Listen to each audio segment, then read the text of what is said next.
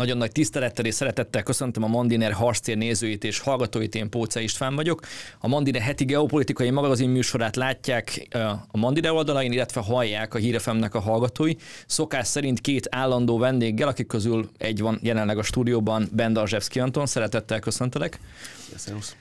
És nincs itt velünk a stúdióban sajnos Robert C. Kastel, aki érthető okokból el van foglalva az izraeli történésekkel, eseményekkel, és ezen a ponton szeretnénk megragadni az alkalmat és a lehetőséget, hogy a Mondiner harci és teljes csapatának a nevében szolidaritásunkról biztosítsuk Izraelt, és elítéljük a terror cselekményeket és a terroristáknak az akcióit, illetve Szeretnénk hozzátenni azt is, hogy mindemellett szeretnénk szolidaritásunkról és támogatásunkról biztosítani Robertet is, aki minden héten itt szokott ülni velünk, mint szakértő, Ezúttal sem feledkezett el rólunk, ezúttal is itt lesz velünk, itt van velünk, de sajnos nem élőben, hanem egy rövid, néhány perces, néhány 15-17 perces üzenetet küldött a Harstér nézőinek, hallgatóinak, illetve nekünk, a műsorunk első részében ezzel kezdenénk, meghallgatnánk azt, amit Robert mondott, amit Robert üzen nekünk, és azt pedig, azután pedig folytatni fogjuk az értékelést, először az izraeli eseményekkel, aztán pedig az ukrajnai eseményekkel, Bendarzsevszki Antonnal.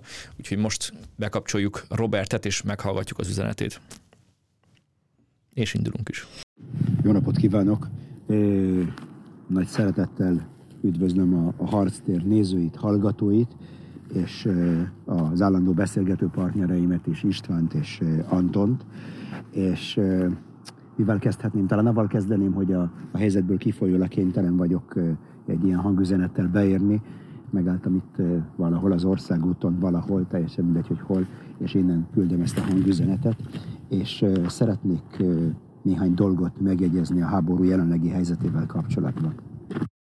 Az első dolog, amit szeretnék elmondani, nagyon-nagyon hálás vagyok a, a, a szeretet meg a támogatás megnyilvánulásaiért a követőimnek, az olvasóimnak, nézőimnek, a harctér nézőinek, Izrael összes barátjának Magyarországon, a magyar államnak. Tényleg nagyon-nagyon hálásak vagyunk ezért, és ezt, ezt nem lehet elégszer elmondani, nagyon-nagyon fontos dolog. Azok, akik aggódtak értem, azokat is megnyugtathatom, hogy sajnos olyan, legtöbbször olyan helyeken vagyok, hogy vagy nincs, mikor a terepen vagyok, akkor a, a, a, a vétel a térerő nagyon-nagyon gyenge, az elektronikai eszközök is zavarják ezeket a, ezeket a dolgokat, tehát nem, nem lehet használni. Sokszor a mobiltelefont, és igen, sokszor vagyok olyan helyeken, ahol nem szabad telefonokat bevinni, meg, meg számítógépeket, tehát ilyen szempontból szinte teljesen el vagyok vágva a, a, a, a virtuális tértől, néha kiemelem az antennáimat egy pár percre, és néha tudok válaszolni is valakinek, de általában igen hézagosan vagyok elérhető. Tehát ezért, ezért elnézést kérek. Aki aggódott értem, annak is külön a külön köszönet, köszönetem. Minden rendben van. Mind, velem minden rendben van. A családom biztonságban van, és ez a legfontosabb. Azt is ki kell mondani, hogy már nem, nem vagyok ugyanaz az ember, ami a háború előtt voltam. Tehát teljesen más emberként jövök vissza ebből a háborúból. Az egzisztenciális kérdések megoldottak. A, a, sikerült szerez, szereznem egy másik gépkarabét a helyet, ami, ami, ami valószínűleg oda veszett a, a, a, a helyettesemmel, akit a golyóálló melényem is, mert felszerelésem egy jó része odaadtam neki a háború első, első napján, és, és eltűnt, azóta nem lehet tudni, mi van vele eltűnt ő is, meg a, meg a kisfia is valószínűleg elrabolták, vagy megölték, vagy elrabolták őket, nem tudjuk, mi van velük. És azóta sikerült összeszednem egy olyan felszerelést, amivel van némi esélyem itt a dolgokra, de na, ezek az apró egzisztenciális dolgok. És mindenki, aki ma reggel fogat mosott, annak csak azt mondhatom, hogy adjon hálát az Úrnak, hogy, hogy ilyen luxusban volt része, mert vannak, mikor ilyen, vannak olyan helyzetek, mikor, mikor ilyen, ilyen banális emberi emberi dolgokat se tudunk megengedni magunknak, és van olyan, hogy a golyóálló mellény nem kerül az embernek a, a, a, a, a hátáról napokon át. Tehát ezek a, ezek a realitások. Ezek a realitások, és ennyi talán a személyes része a dolognak, de ez, ez teljesen mellékes. A, azt, azt megígérhetem, hogy a, azokról a dolgokról, amiket láttam, soha nem fogok beszélni, teljesen más emberként jövök vissza. Én voltam háborúkban, voltam Libanonban három évig, voltam, láttam a ruandai vérengzést, tehát láttam egy pár dolgot, azokat a dolgokat, amiket itt láttam, azokat a ö, hieronimus boss szintű, groteszk atrocitásokat, ezekről nem akarok beszélni. Mindenki a saját, nyúljon a saját fantá, legrosszabb fantáziáihoz, a leg, legszörnyűbb rémálmaihoz, és azokat, azokat szorozza be, vagy hatványozza, vagy nem is tudom, milyen műveletet kell elvégezni, és ezeket a dolgokat lehet látni. Tehát mindaz a borzalom, amiket horrorfilmekben látunk, vagy amit az iszlám, állam, iszlám államtól látunk, akkor, akkor ezeket kell elképzelnünk. E, ezek azok a dolgok, amiket látunk, és ezek azok a dolgok, amik elkísérnek minket az életünk végéig. Tehát én ezekről nem akarok beszélni. Néhány szót a, a geopolitikai helyzetről, mielőtt a háborúról beszélnék. É, mint általában most is követem azt a vonalamat, hogy én nem kritizálom se, se Irán, nem kritizálom se Oroszországot, nem kritizálom se Kínát é, velük kapcsolatban. Tehát a, amit tettek a múltban, azt, azt folytatják. Tehát nincs, nincs semmilyen változás. Szerintem a, itt, itt látunk egy, egy, egy, egy, egy konzekvens vonalat ezekben, a, ezekben ezeknek az országoknak a, az esetében kisebb-nagyobb változásokkal nincs mit beszélni erről. Amiről érdemes lenne beszélni, és szerintem ami, ami a tengelye az összes problémának, amit a világban látunk, ez az Egyesült Államoknak a tudathasadása. Miért az Egyesült Államoké? Azért az Egyesült Államoké, mert ők az Egyesült Államok a meghatározó, meghatározó nagyhatalom a világon, és hogyha nekik a, a, a, nincs rend a fejükben, akkor nem lehet rend a világban is. Mire gondolok itt? Itt arra gondolok, hogy az Egyesült Államok legnagyobb tragédiája, és ez a világ legnagyobb tragédiája is, hogy az Egyesült Államok nem tudja, nem tudja, hogy ki őt tulajdonképpen, nem tudja, melyik irányba akar elindulni. Tehát van egy Egyesült Államok, amelyik tényleg a nyugat hegemóniájára törekszik, a nyugat ö, ö, értékeit akarja meg, megvalósítani. Ez, erről sokszor poénkodtam én is, meg minden, de, de ez, ez az egyik irány. Ez az egyik irány. A másik irány pedig ez, a, ez az ájtatos manú vezeklő irány, hogy mi bűnösök vagyunk, és hogyha az Egyesült Államok bűnös és gyarmatosító volt és imperialista volt, akkor a, ő a legnagyobb bűnös, és a következő bűnösök pedig az Egyesült Államok szövetségesei. Tehát látjuk ezt a kétfajta, kétfajta gondolkodásmódot az amerikai politikában, a modern amerikai politikában. Az egyik ez a, a a hegemóniára törekvő, teljesen normális, teljesen érthető ö, reálpolitikai irány. Ezt lehet szeretni, vagy nem szeretni, de megvan ez az irány. És van ez a másik, ez az őrült, vezeklő, önostorozó irány, amelyik az önostorozás mellett igyekszik oda csapni a barátainak.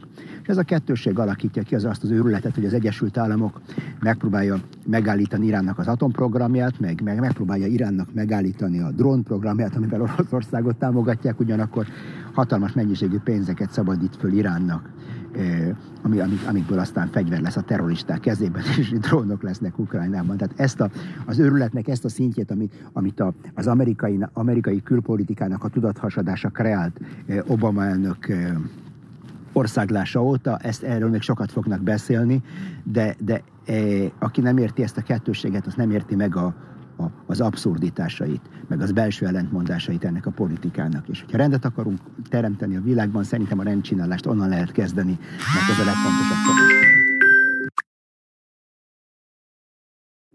Ami, ami háborút illeti, szeretnék egy nagyon fontos helyzet meghatározást elmondani. Mindig beszéltem arról, hogy van egy helyzetértékelés, és a helyzetértékelésnek a befejezéseként, és ez az, amit sokszor elmulasztunk, az a helyzet meghatározás. Most szeretnék egy helyzet meghatározás, meghatározásról beszélni a gázai, eh, gázaiakkal kapcsolatban sokszor halljuk azokat a narratívákat, hogy, hogy a szabadságuk, meg a függetlenségükért, stb., meg ez motiválja ezeket a dolgokat, halljuk ezt a, ezeket a, a szerecsen mosdatókat, akik ezeket a dolgokat hozzák föl. A Gázával kapcsolatban a következőket szeretném elmondani. Gáza egy, egy független állam, tulajdonképpen egy szuverén állam, a, először is az oszlói egyezmény óta, és másodszor pedig a, a, ott volt az izraeli kivonulása, az elszakadás Gázától, amikor az utolsó telepeket is kivonultunk, azóta a gázai emberek a saját életüket menedzselik. Egy bizonyos időpontban sikerült még a palesztin autonómiának a, a, a kleptokráciáját is levetni a saját nyakukból, és azt, hogy hogy csinálták, nem a legelegánsabb módon, olyan módon, ami, ami némiképpen emlékeztet a jelenlegi atrocitásokra, az más tészta, de, de sikerült meg, meg visszakapniuk a függetlenségüket. Most attól a pillanattól kezdve eltelt tehát körülbelül 25 év, ami, ami, ami, ami alatt Gáz egy de facto államként tevékenykedik, és egy de facto független államként tevékenykedik. Most 25 év alatt Szingapur egy földi paradicsomot csinált abból a kis területből. Gázaiak pedig egy földi poklot. Gázaiak egy földi poklot. Gázában kialakult egy startup, aminek nem az a célja, hogy pénzt csináljanak, hogy high csináljanak, hanem az, hogy megöljenek minél több zsidót. Tehát ez, ez volt, ez a gázai startupnak a célja. Minden dollár, minden e, köbméter cement vagy beton, ami bekerül Gázába, ezt egyetlen egy dolgot e, szolgálja fegyvert építeni, alagutakat építeni, támadó, alakulat, támadó alakulat, alagutakat építeni, és egyéb eszközöket létrehozni, aminek a segítségével minél több zsidót lehet megölni. Tehát nagyjából e, e, ez a céljuk, ez, az, ez a gázai államnak a célja. Tehát ez az első dolog, amit el kell mondani. Ez az ideológiája az államnak, és ezt honnan tudjuk, látjuk a napi viselkedésükben. Nem az a céljuk, hogy a rendelkezésükre álló erőforrásokból minél jobb életet teremtsenek a, a polgáraiknak, hanem az, hogy minél több zsidót öljenek meg a határ másik oldalán. Tehát ez, ez így volt, és ez így is fog maradni, ameddig ez a, ez a terület megmarad. Ez az egyik dolog. A másik dolog pedig az, hogy ha megvizsgáljuk, hogy mi történt ebbe e, a, támadás kezdete óta, az történt, hogy betört Izraelbe több ezer e, terrorista, akik gyakorlatilag az iszlám állam terroristáinak felelnek. Meglátjuk az iszlám állam zászlóit is, személyesen is láttam ezeket az iszlám állam zászlókat, amikkel betörtek, és ez a, ez a több ezer öngyilkos terroristát, mert ezek, tudták, hogy nagy, nem fognak visszamenni. Tehát tudták, hogy azért jönnek be, hogy minél több embert megöljenek, nem próbáltak területet elfoglalni, nem próbáltak árkokat ásni, beássák magukat, hogy területet foglaljanak el, nem. A céljuk az volt, hogy minél több zsidót öljenek meg, gyerekeket, nőket, férfiakat, teljesen mellékes. Hogy a lényeg az, hogy minél több embert megölni, mielőtt őket is megölik. És ahhoz, hogy több ezer embert erre rá lehessen venni, ahhoz egy több milliós népnek a támogatása kell. Tehát itt ez a, ez a két milliós nép kitermelt magából néhány ezer embert, akik hajlandók voltak ezt, ezt a hatalmas öngyilkos merényletet végrehajtani. Most a, ennek a következménye az, hogy mi félre kell tennünk azokat a mitoszokat, hogy itt egy szélsőséges szervezettel van dolgunk, terrorszervezettel, nem, itt egy néppel van dolgunk, egy, egy állammal, egy de facto állammal van dolgunk, egy de facto néppel van dolgunk, a gázai néppel, amelyik egy ilyen piramist képest, és a piramisnak a csúcsán ott van ez a több ezer ember, akik a dolgokat végrehajtották. De ezek nem hajtották volna végre, ha nem élvezték volna ennek a népnek a, a támogatását. Most mivel a cselekedeteik, amiket végrehajtottak, nem egyetlen embernek, vagy egy szűk körnek a, a, a büntetei, hanem egy egész népnek a büntetei, akik támogatták ezeket a dolgokat, és látjuk ezeket az öröm megnyilvánulásokat, és látjuk a nép támogatását, gázai nép most akkor természetes, hogy a, a, a megoldást is a népnek a szintjén kell keresni, és nem, a, nem egy terrorszervezetnek a szintjén. Tehát el kell, ennektől a néptől mindenképpen el kell venni a lehetőséget arra, hogy a jövőben is kitermeljen magából több ezer ilyen öngyilkos terroristát. Mert ne, ne, ne legyenek illúzióink. Ez, ez, a, ez, a, ez, a, ez, a, ez a meteorit mondjuk úgy, most Izraelbe csapódott be, de legközelebb becsapódhat máshol a világon máshol a világon. Látjuk azt, hogy mikor a, mikor a közel-keleti államok kitermeltek magukból néhány tucat öngyilkos terroristát, és megöltek 3000 amerikaiat, mi, amerikait, mi volt az Egyesült Államok reakciója? Elfoglalta a közel-keleti államokat, megsemmisítettek rezsimeket a közel-keleten. Na most itt nem 20, 20 terroristáról van szó, hanem több ezer terroristáról, amit ez a nép kitermelt magából. Most akkor teljesen egyértelmű, hogy ettől a néptől el kell venni az önrendelkezésnek a jogát, azt, hogy ők maguk tudják meghatározni azt, hogy milyen gyilkosokat neveznek ki maguk fölé, vagy választanak maguk fölé vezetőként, és egy olyan gyám, gyámság alá kell helyezni őket, mint a, mint a náci Németországot, vagy a, a Hirohitónak a Japánját a második világháború után, ameddig nem mennek át egyfajta megtisztulási folyamaton, ameddig ez a nép el nem dönti azt, hogy nem több ezer öngyilkos terroristát termel ki magából, akik ilyen tatárjárás szintű atrocitásokat követnek el, hanem tényleg produktív irányba fordítják a, a, a, képességeiket. Tehát én azt hiszem, hogy ez kell legyen a célja ennek a, ennek a háborúnak biztos, biztonságosá tenni a közel-keletet ezektől a, ettől a kohótól, amelyik ezeket az, ön, az öngyilkos terroristáknak az ezreit gyártja. Ami pedig a, a, a szerecsen mosdatást illeti, én azt hiszem, hogy a legjobb példa, hogyha viszonyulunk a magyar történelem, magyar történelem, történelemnek a, a, a, a tragédiái, tragédiáira. Minden népnek vannak tragédiái. A magyar népnek Trianon volt mondjuk a tragé, volt talán a legszámottevőbb tragédiája az utóbbi, az utóbbi ö, két évszázadban, és ha, ha megvizsgáljuk, hogy mi volt a, a, a, a, a magyaroknak a reakciója erre, nem az volt, hogy elmegyünk, és akkor mindenféle borzalmas atrocitásokat követünk el A második világháború alatt a zsidóknak volt egy hasonló természet, hasonló ta, traumája a holokausztal, és erre se az volt a reakció, hogy a háború után mentek és megöltek sok, sok, sok ezer németet, atrocitásokat követtek el, ártatlan embereket öltek meg, nem ez volt a reakció. A tibetiek megszállás alatt vannak. Nagyon sok nép van, amelyik nem élvez teljes függetlenséget, és amiknek teljesen jogos követeléseik vannak, ami a függetlenséget illeti. Sehol nem láttuk a, a barbárságnak és a, a, a kegyetlenségnek és ezt az elállatiasodásnak a megnyilvánulását, mint itt. Hát, ha, még a, ha ezt Ruandával hasonlítom össze, ezt, amit láttam még akkor is, eh, elhalványulnak a dolgok. Elhalványulnak a dolgok. Ott is volt egy ilyen mechanisztikus eh, eh, mód, ahogy azt a népírtást végrehajtották, épp úgy, mint a holokauszt folyamán, de ez a fajta, a fajta élvezet, ami, ami, ami látszik az élvezetnek a megnyilvánulása és a, a, a, az ingyenség mondjuk úgy az atrocitásokban és a kegyetlenségben, ezt én sehol nem láttam a világon, és ilyen nagyságrendben nem, nem ismerem a, a, a, a, modernkori történelemből se ismerek ilyen szintű atrocitásokat. Tehát én azt hiszem, hogy ezek a, ezek a hevenyészet gondolataim, sajnálom, hogy nem, tud, nem tudtam valami jobban összefogott és jobban megfogalmazott elemzést nyújtani. Ezek csak ilyen elsődleges gondolatok, és valószínűleg ez a trauma, ami ez alatt a ez alatt a pár nap alatt ért, ez el fog, el fog kísérni a, a, a, az életem végéig. De most a feladatunk az, hogy, hogy rendet csináljunk. A feladatunk az, hogy rendet csináljunk, és azt, hogy helyreállítsuk a, helyreállítsuk a dolgoknak a természetes menetét a világnak ezen a, ezen a részén, és hogy gondoskodjunk róla, hogy a csecsemők nyugodtan tudnak aludni a bölcsőikben, hogy a, a, a, a, a nők nyugodtan tud, tudják szoptatni a csecsemőiket, hogy a, a, a, a farmerek nyugodtan tudják szántani a földjeiket. Tehát ezt a természetes állapotot kell, kell visszaállítanunk, ez most a feladat. Még egyszer szeretnék megkösz, szeretném megköszönni mindenkinek a támogatást, és megint csak azt tudom mondani, hogy nagyon-nagyon fontos, hogy Magyarország és Magyarország szövetségesei, a nyugati világ tanuljanak a Izraelnek a hibáiból, Izrael megpróbáltatásaiból, és hogy idejében föl legyenek készülve. Ideje, idejében föl legyenek készülve, hogy ezek a dolgok megtörténhetnek. Ne legyünk meglepve, hogy, hogy ezek a dolgok megtörténnek a nyugaton is, Európában is, a, látjuk az, az örömmegnyilvánulásokat Nyugat-Európa nagyvárosai, látjuk a támogatást, amit ezek a cselekedetek élveznek, ebből arra következtethetünk, hogy azok, akik, akik tüntetnek, és a támogatásukat nyilvánít, nyilvánítják ki ezek, ezek mellett a szörnyű atrocitások mellett, amiket a Hamas elkövetett, azok ők maguk is képesek lesznek ilyen atrocitásokat el, el, elkövetni Nyugat-Európa különböző nagyvárosaiban. Ez csak idő kérdése.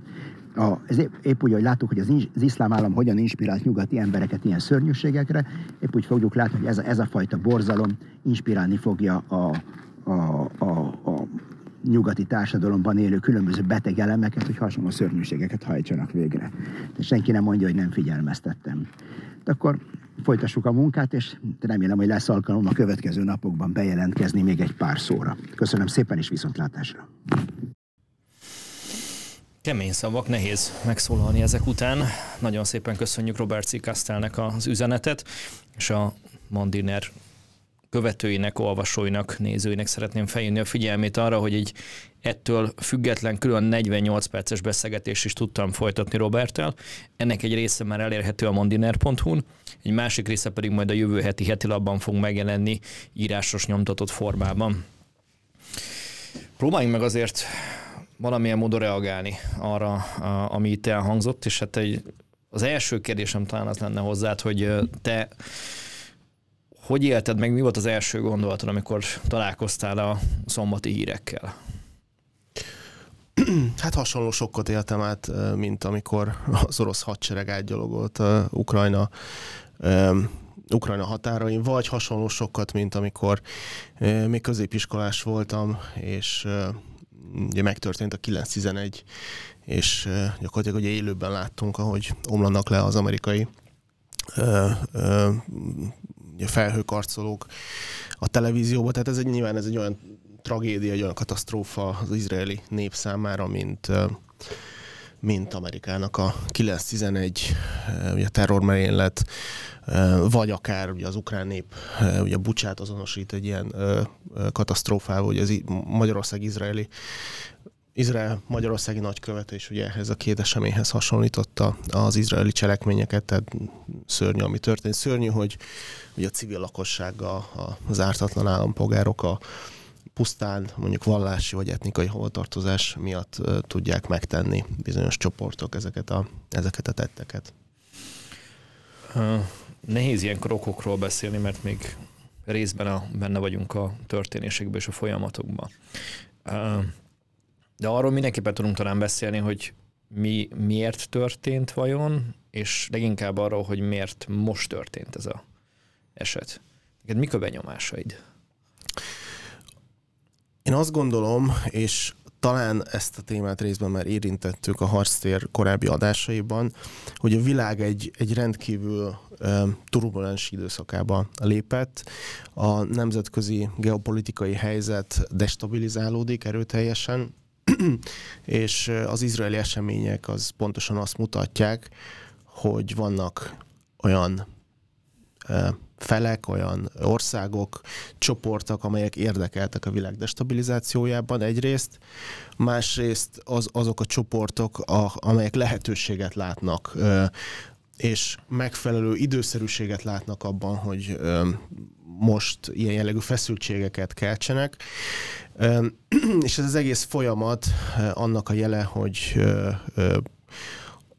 nincs jelenleg egy olyan csökkent a, mondjuk az amerikai hegemónia, csökkent a nyugatnak a szerepe az elmúlt időszakban, több olyan esemény történt, amely lehetőséget adott erre a turbulens időszakra. Ugye az egész beazonosíthatóan a mm, globális világjárványjal kezdődött, amikor a világ bezárkózott, elvesztettünk kapcsolatokat, mindenki saját magával törődött, lezártuk a határokat, ugye a, korábban kialakult kereskedelmi logisztikai láncok hirtelen felbomlottak, és az a, az a képzet alakult ki, hogy most mindenki, a korábbi globális közösség, amely úgy tűnt, hogy együttműködés útján próbálta, próbálta, nem minden esetben sikerült, de ugye a szándék megvolt, hogy együttműködés útján rendezze a, a, a, a, a globális nem tudom, konfliktusokat, feszültségeket. Ez hirtelen megszűnt, és az a kép alakult ki, hogy mindenki csak saját magáért van. Végső soron mindenki csak végső soron mindenki csak magáért felel. És ugye 2020-ban jött a Karabahi háború, amikor Azerbajdzsán végül elérte a céljait, ugye hegyi Karabakban Örményországgal szemben, aztán jött az orosz-ukrán háború, tehát aztán ugye lehet említeni Koszovóban, ott is majdnem ugye háború alakult ki. Újra hegyi Karabak. Újra hegyi Karabak, Moldova, most Izrael, tehát nagyon úgy, ugye, a száheli övezetben, Afrikában egy sor katonai pucs következett be. Önmagában Afrikában persze ez nem váratlan, de az, hogy ilyen koncentráltan gyorsan, kis időtávban, egyszerre több országban történjenek ezek a változások, az már az már mindenképpen egy, egy rendhagyó folyamat. Tehát nagyon látszik, hogy nem csak bizonyos földrajzi térségek, hanem a világ nagy részében alakulnak ki ilyen feszültségek, és ez a turbulens időszak az nagyon úgy tűnik, hogy sajnos a következő években, következő évtizedben velünk lesz, amíg van egy, van egy mondjuk nemzetközi hegemon pozíciókból fakadó bizonytalanság, ugye van egy geopolitikai harc a hegemon pozíciókért, amíg még megvannak a, a következményei a globális világválságnak, tehát mindig nem álltak helyre azok a korábbi logisztikai kapcsolatok, amelyek 2020 előtt jelen voltak. Amíg egy világgazdasági válság közeli állapotban vagyunk, nincs a világon egy, egy konjunktúra állapot, hanem inkább egy destabilizáció van. Tehát amíg ezek a folyamatok a szemünk előtt játszódnak le, addig, addig mindenképpen felmarad ez a turbulens időszak, és azok a konfliktusok, amelyek az elmúlt években, évtizedekben úgy tűnt, hogy lezárultak, de mondjuk jellemzően egyfajta ilyen puskaporos hordók voltak, azok megújulhatnak, újra nyithatnak, kialakulhatnak újabb feszültségek, és sajnos rengeteg olyan helyszín van a világon, ahol instabil a helyzet, és pont ez az időszak az megfelelő lehet a, a az adott térség mondjuk vezetői számára, hogy úgy érezzék, hogy akkor most kell lépni, hogy elérjék a céljaikat, mert nem tudom, az Egyesült Államok Ukrajnában van elfogalva, és nem fog beleszólni, vagy azért, mert egyébként is a gazdasági helyzet rossz, és a, a a, a lakosságnak úgy lehet, a lakosságnál úgy lehet mondjuk megnyerni a választásokat, vagy belpolitikai pontokat szerezni, hogy külső külpolitikai eszközökkel, katonai eszközökkel érik el ezeket a célokat, és hát itt nyilván lehet beszélni. Ameriká, Dél-Amerikában is rengeteg ilyen konflikt, potenciális konfliktusos övezet van. A Venezuela, Közép-Amerikában akár Mexikó, Afrikában is több ilyen térség van, a közel-kelet, egy puskaporos hordó, eh, Jemen, nem tudom, Irán, Szaudarábia, Szíria még mindig, Európában ugye ott van a Balkán, Moldova, Ukrajna még mindig, Ázsiában két nukleáris hatalom, India és Pakisztán viszonya, a dél-kínai tenger, Észak-Korea, Dél-Korea, ugye Tajvan, az a, talán a mindennek a csúcsa, hogy Tajvannal mi lesz itt Kína és az Egyesült Államok közötti ellentétben. Tehát ezek mind olyan potenciális konfliktus zónák, amelyek ebben a, ebben a turbulens időszakban eszkalálódhatnak a jövőben. Folyamatokról beszéltél, de azért a, folyam, azért a folyamatok nem maguktól történnek. Vannak mögöttük szereplők, vannak mögöttük állami, nem állami szereplők. Van egy fontos kérdés, ami most szinte mindenkit foglalkoztat. Ez pedig a ki, kinek állhatott az érdekében. Ki segíthette ezt? Hétfőn egy másik műsorunk a stratégában Horváth József ült itt, ő volt a vendégünk, és vele már érintettük ezt a kérdést, és az ő első reakciója az volt, hogy a gázai csapat, a Hamász és a hozzájuk kapcsolódó egyéb szervezetek véleménye szerint nem képesek egy ilyen komplex akciónak a végrehajtására, illetve megtervezése és előkészítésére, és ő azt mondta, hogy itt más külső szereplők állhattak vagy állhatnak a háttérben. Robert a külön beszélgetésünkben, ami már megjelent a Mondirenen, beszélt arról, hogy a legtöbben Izraelben irányt jelölik meg, mint fontos szereplők. Viszont a mostani üzenetében megemlített más országokat is, Irán, Oroszország és Kína, amire azt mondja, hogy változatlanul teszik, amit eddig tettek. Te mit gondolsz? Te kit vélsz, kit látsz? Ugye itt nagyon sok összeesküvés elmélet is uh-huh. elszabadult. Uh, valószínűleg te is találkoztál ezekkel, hogy uh, valójában az Egyesült Államok volt, valójában Izrael volt, uh, valójában Oroszország volt, talán a földön kívüliekkel még nem hozta senki összefüggésbe, bár lehet, hogy már ez is megtörtént, de szerinted ki vagy kik? azt gondolom, hogy a lapok alapvetően ki vannak terítve, tehát nagyon jó beazonosíthatók a szereplők a, a térségben. Talán maga Irán sem titkolja, hogy örül ennek az egész helyzetnek, és az is nyílt titok volt az elmúlt években, hogy Irán eszközökkel, pénzzel pénzelte a Hamaszt ja, gázai Hezbollah a Libanonban ők is kifejezetten örültek ezeknek az eseményeknek. Ugye felmerült, hogy az jelentheti ugye igazán nagy veszélyt a, a térség jövőjére nézve, és ugye az események kibontakozására nézve, hogyha más szereplők is nyíltan belépnek ebbe a konfliktusba, és akár Hezbollah északról indíthatna támadást. Szerencsére, hogy eddig még, még nem jutottunk el. Tehát azt gondolom, hogy a lapok abszolút nyitottak, Irán gyűlöli Izraelt, és minden eszközzel deklaráltan, nyíltan mindent megtesz azért, hogy ugye nem ismerik el önmagában az izraeli államot, és minden eszközt bevetnek ahhoz, hogy ezt az izraeli államot megszüntessék, megsemmisítsék. Tehát itt nem, nem kellenek összeesküvés elméletek, mert abszolút nyitott lapokkal játszik minden szereplő. Az Egyesült Államok ebben a tekintetben, ugye Robert Birát az Egyesült Államokat üzenetében de azt gondolom, hogy az Egyesült Államok elsősorban a békében érdekelt, és megpróbálják elérni, hogy hiszen nem érdekeltek abban, amiről beszéltem a néhány perccel ezelőtt, hogy a világ destabilizálódik, és különböző konfliktus övezetek alakulnak ki. Az amerikai külpolitika számára a legfontosabb beazonosított veszély az Kína. És ők arra készülnek, hogy a következő években, a következő évtizedben Kínával lesz valamiféle összecsapás, nem feltétlenül a katonai, de gazdasági, kereskedelmi, politikai összecsapásra ők minimum készülnek. Ehhez minden erőforrást ennek érdekében kell előkészíteni és átcsoportosítani. Most, hogyha ezeket az erőforrásokat meg kell osztani, és meg kell tehát erőfeszítéseket kell tenni, hogy mondjuk lezárjanak egy kibontakozó háborút, ne adj Isten, hogyha valóban egy kiszélesedik a közel-keleten a, a konfliktusnak a földrajza, akkor ugyancsak amerikai bevonódást feltételez, mert azt feltételez, hogy Egyesült Államoknak be kell avatkozni, hogy ezt a konfliktust lezárja, miközben ugye van egy folyamatban lévő háború Ukrajnában, ne adj Isten, valahol máshol is, nem tudom, Dél-Amerikában, Amerika határai Ukrajnához egészen közel történik valami, ez mind az Egyesült Államoknak rendkívül rossz. Azt jelenti, hogy eltereli a figyelmet, eltereli az erőforrásokat Kínától. Tehát az Egyesült Államok... Képes az Egyesült Államok többfele figyelni? Ugye az a kérdés, hogy más szereplők hogyan használják ezt ki.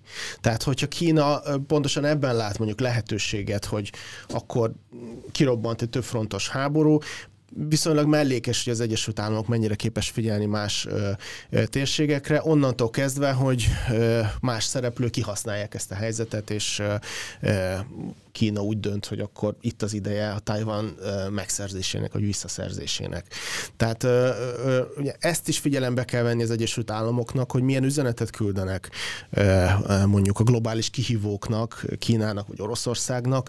Mert itt nem csak forrás megosztásról van szó, hanem önmagában ugye a helyzetnek a helyzetből fakadó üzenetekről. Tehát jó beazonosíthatóan látunk egy Egyesült Államokat, amely ugye Izrael egyik legfontosabb szövetségese, tehát azt gondolom, hogy kár olyan konteókat, vagy kifejezetten káros olyan konteókat e, e, írni, vagy olyan konteókról beszélni, hogy itt az Egyesült Államok valamilyen módon érdekelt lenne, vagy, vagy, vagy maga is benne volt valamilyen módon ebben a helyzetben. Oroszország pedig ugyancsak azt gondolom nagyon jó beazonosítható ugye szereppel bír. Neki mind, Oroszország számára mindenfajta destabilizáció az, az jó, hiszen eltereli a figyelmet Ukrajnára, az erőforrások megosztását ö, ö, szolgálja. Ö, a, tudom, a jó alatt azt érted, hogy benne voltak, vagy, vagy örülnek, és Én azt gondolom, hogy minden, minimum az, hogy örülnek valami. és hátradőlnek, azt, azt nem semmiképpen sem merném állítani, hogy ők valamilyen módon nem tudom, pénzelték eh, Hamas, vagy tudtak akár a készülő akcióról. Eh, azt nem, merem, nem merném megmondani, de ugye egy, azt is egyértelműen látszik, nyitott lapokkal játszanak a felek, hogy Irán egyik legfontosabb szövetségese Oroszország. Tehát minimum Oroszország mondjuk nem ellenezte, ha tudott is ilyen tervekről, akkor nem ellenezte, nem beszélte le, eh, hanem alapvetően eh, örült, hogy, hogy lehet egy, ilyen, egy olyan eszkalációs eh, helyzet, amely ugye eltereli a figyelmet Ukrajnáról. És ne felejtjük el, hogy van néhány nagyobb ország, amely mondjuk nem ítélte el a, a ugye a Hamasnak a támadását, és, és egyik ilyen ország Oroszország volt. Ők felszólították a feleket, hogy tartózkodjanak a, a túlzott, nem tudom, a civil lakosságot ért bántalmazásoktól.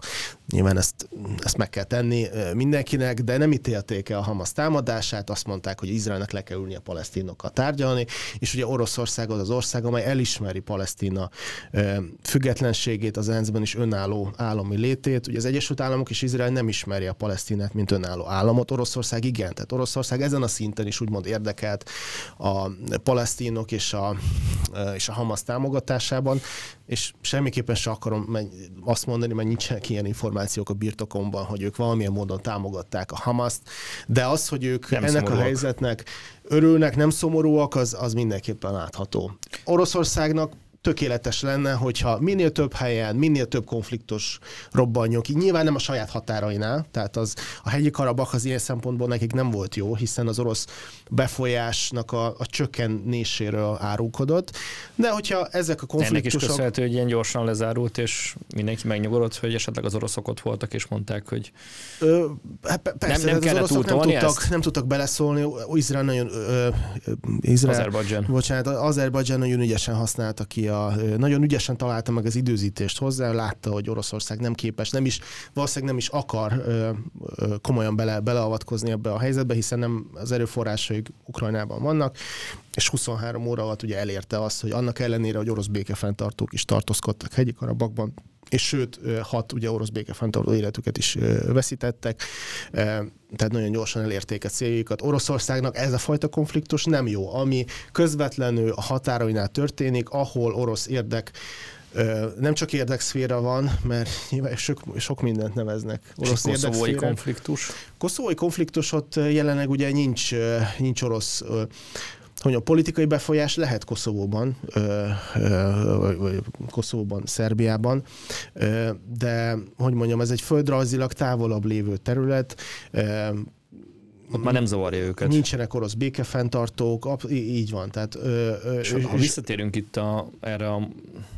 izraeli háborúra és az izraeli eseménysorozatra, ennek milyen hatása van Ukrajnára és az ukrajnai háborúra? Mindenképpen eltereli a fókusz, tehát ez nagyon jól látható, hogy valaki megnézi a, a médiát, a bár magyar, nemzetközi, bármilyen De csak a közvéleménynek a fókusza?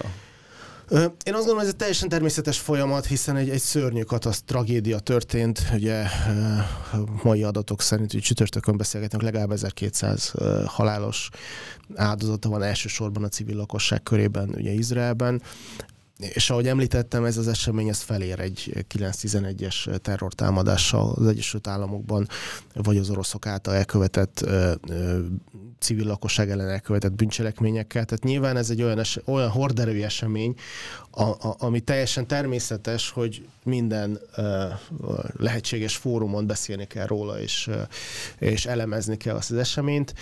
Ö, Miközben ugye az ukrán háború, orosz-ukrán háború most már több mint másfél éve tart. A, a, nyilván a nyilvánosság egy kicsit bele is fáradt abban, hogy most éppen mi történik a fronton, most éppen hogy, hogy moz, ki merre mozgott, hogy, tehát nem történnek. Ukrajnában jelenleg úgymond business, bármennyire szomorúan hangzik, business as usual van, tehát uh, napi szinten lövik egymást a felek, vannak kísérletek uh, ukrán hadsereg Ezt részéről. mindenki elfogadta, hogy akkor ez most a normál ügymenet része?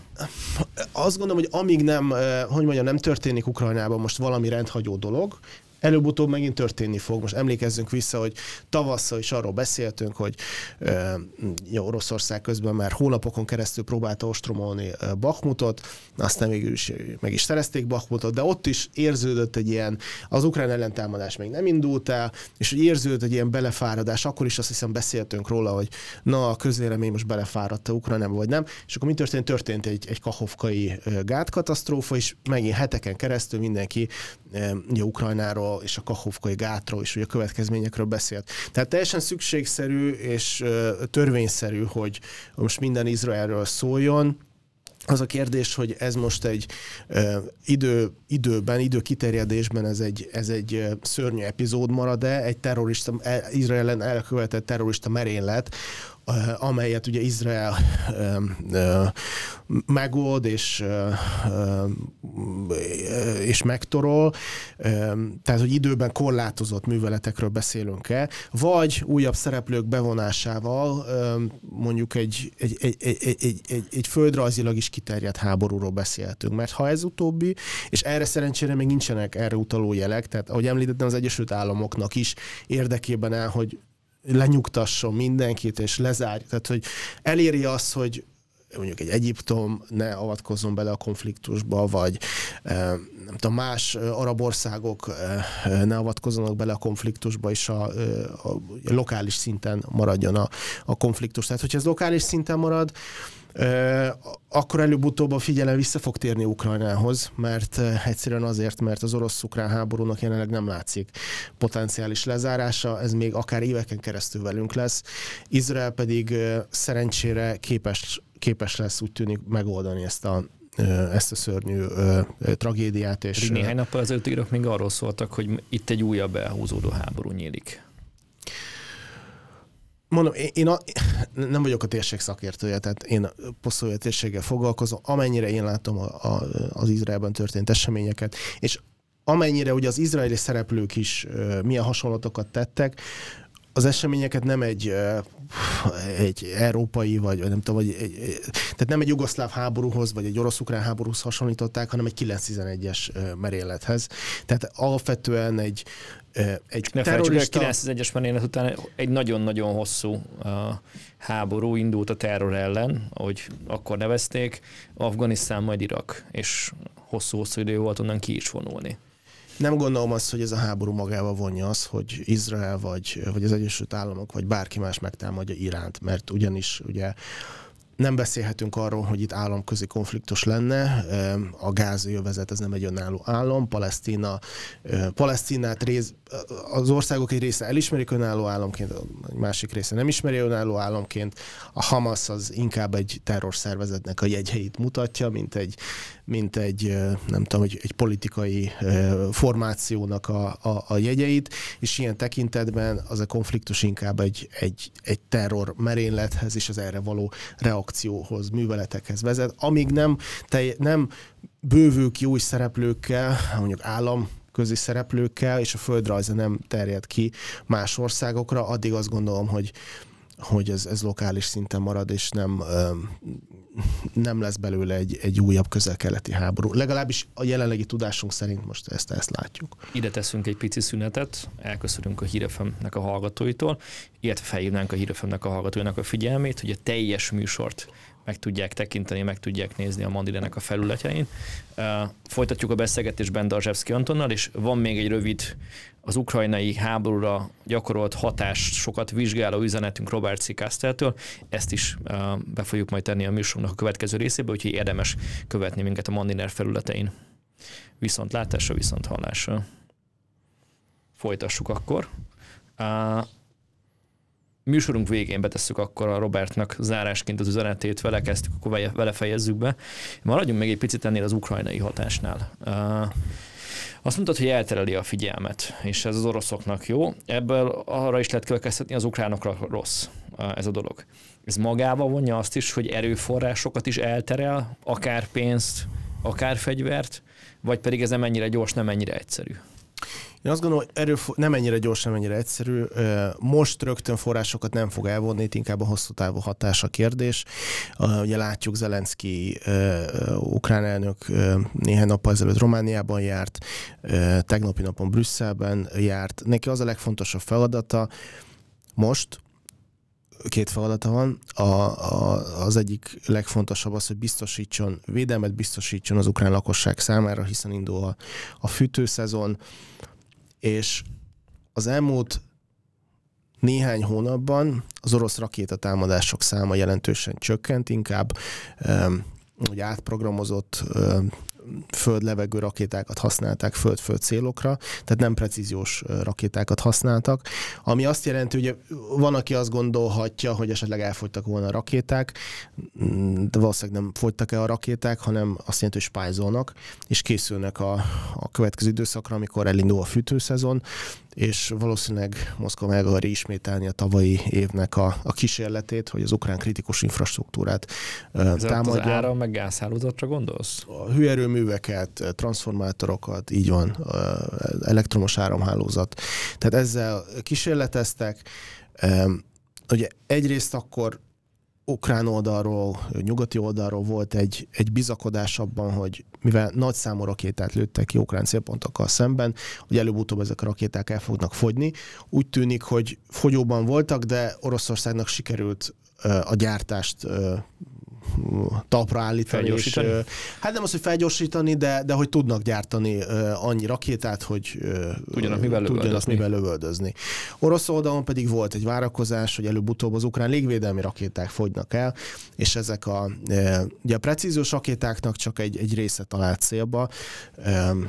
Általában ilyen 70%-os hatékonysággal dolgozott a, az ukrán légvédelem, a minél több rendszer, légvédelmi, nyugati légvédelmi rendszer érkezett, annál hatékonyabbá vált, annál jobb lett az ukrán ernő, ernyő, és voltak olyan támadások, amikor akár 80%-os hatékonysággal dolgoztak. De nyilván az a, az a néhány rakéta is, amely célba talál, nagy károkat tud, tud okozni. Tehát egyrészt nyugati oldalon volt egy várakozás, vagy egy, egy reménykedés, hogy elfognak az orosz rakéták. Az oroszok abban biztos, hogy elfognak a, elfogynak a, a légvédelmi ö, rendszerhez való ö, rakéták.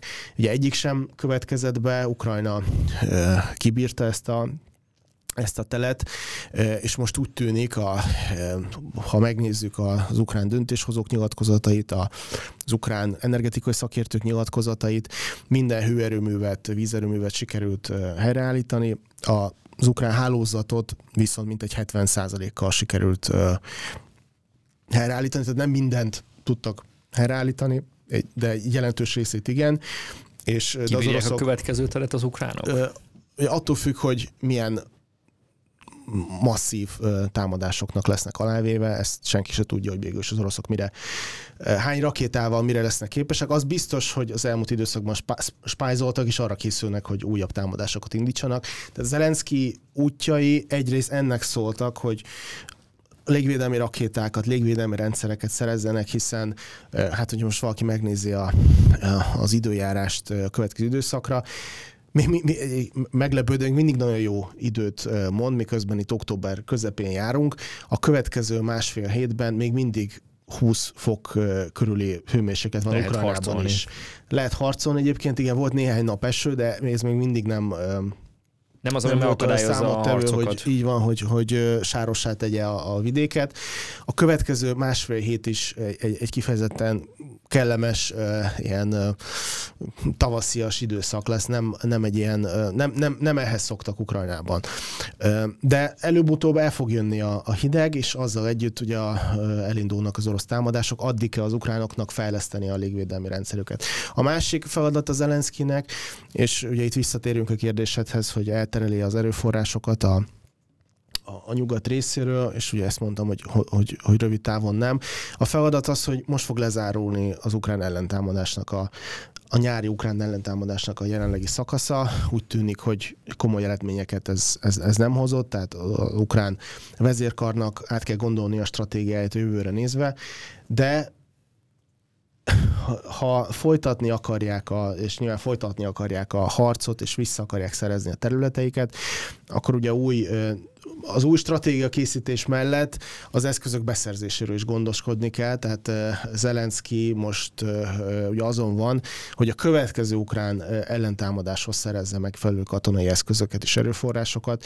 Ugye, Mai hír, hogy Horvátország 5 millió eurót kap Ukrajna, mondjuk elsősorban aknamentesítése. aknamentesítése de az Egyesült Államok viszont deklarálta, legalábbis védelmi miniszteri szinten, az Egyesült Államok addig áll Ukrajna mellett, ameddig csak szükséges, mi a kongresszusban kivontakozó politikai káosz közepett és a közel-keleti erőszak ellenére is.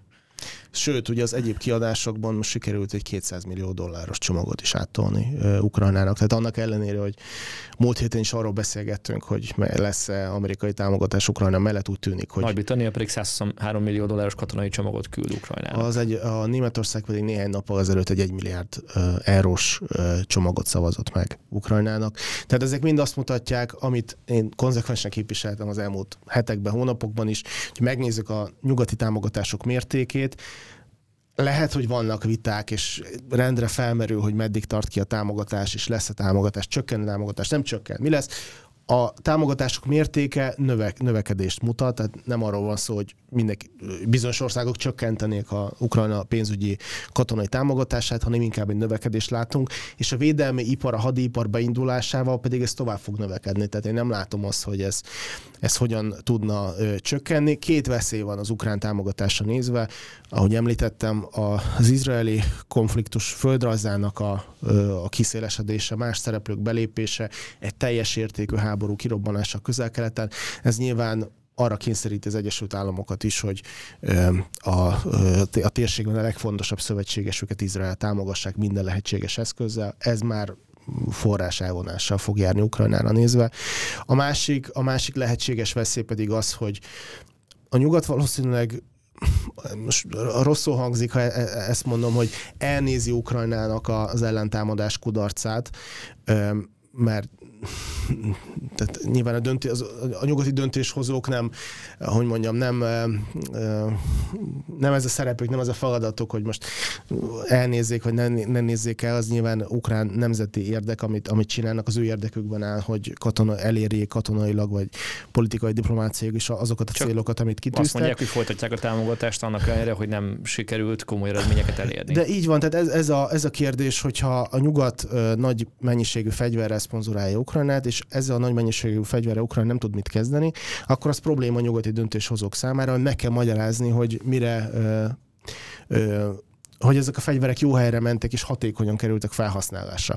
Tehát most mondom, nem, nem akarok félreérthető lenni, hogy most ezt, ezt az ellentámadást lehet, hogy még elnézik, és ugyanúgy támogatják, mert hogy most változtatni kell a stratégián, és hogy igen, erős volt az orosz védelem, stb. stb. De azért nagyon sok hasonló nem is kudarc, hanem mondjuk eredménytelenség, az, az, az nincs benne a, a háború menetében. Tehát ahhoz, hogy Ukrajna konzekvensen, nagy mennyiségben kapjon a ugye a hadserege fenntartására és a, a katonai céljai elérésére nyugati támogatást, ahhoz eredményeket kell produkálni. Ha nincs eredmény, akkor az azt jelzi a nyugati döntéshozók számára, hogy rossz helyre ment a pénz, rossz helyre Ez ment már az eszközök. lesz a... És igen, nagy tehát e- ez nem? lesz a, a nagy ö, nyomás. Ameddig kiderül, hogy mit okoz az izraeli háború.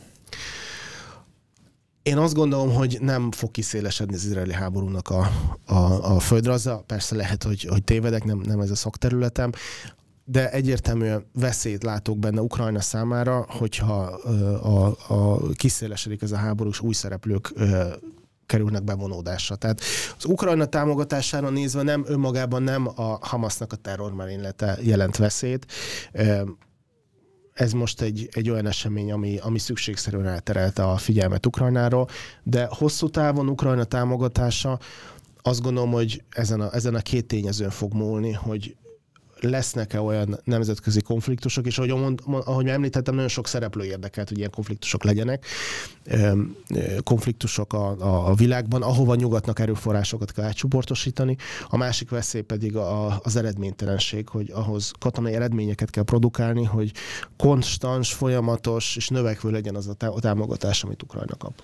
Zseszki Anton, köszönöm szépen, és most pedig végezettől műsorunk zárásaképpen hallgassuk meg Robert Cikasztának a másik üzenetét, hogy ő hogyan látja, hogyan hat az izraeli háború az ukrajnai háborúra. És mit gondolsz arról, hogy hogyan hat ez az ukrajnai helyzetre, az ukrán háborúra? Én azt hiszem, hogy erről írtam is egy cikket, hogy Ukrajna számára a legnagyobb fenyegetés az Tájván meg a közel-kelet. Hogyha itt lesz valami, akkor, akkor Ukrajna egy sokkal kevésbé elveszíti ezt a, ezt a fontosságát, és azt hiszem, hogy ez, nyilvánvaló volt mindenki számára. Tehát erről írtam egy cikket már ezelőtt egy fél évvel, vagy egy évvel valami ilyesmi, hogy ez a legnagyobb fenyegetés Ukrajnára nézve egy ilyen háború, ez bekövetkezett, és ez jó mércé annak, hogy hallottuk elemzőktől is, hogy hű, mennyire Ukrajna védelme létfontosságú a nyugat számára, és akkor most fel fogjuk fedezni a következő napokban, hogy egyáltalán nem létfontosságú már meg lehet nézni, hogy a, az, újság, az, újságon, az újságokban melyik oldalon közlik a közel-kelet eseményeit, és melyik oldalon közlik a, az ukrán háború eseményeit, és ez természetes. Azt hiszem, hogy a nyugat számára a közel-kelet sokkal-sokkal fontosabb, mint, mint Ukrajna fényévekkel van. Köszönjük szépen, hogy követtek, hallgattak bennünket. Ez volt az eheti harctérben Dazsevszki Antonnal és Robert Cikásztának az üzeneteivel. Jövünk jövő héten is. A házigazdát Póca Istvánt hallották és látták, viszont látásra, viszont hallásra.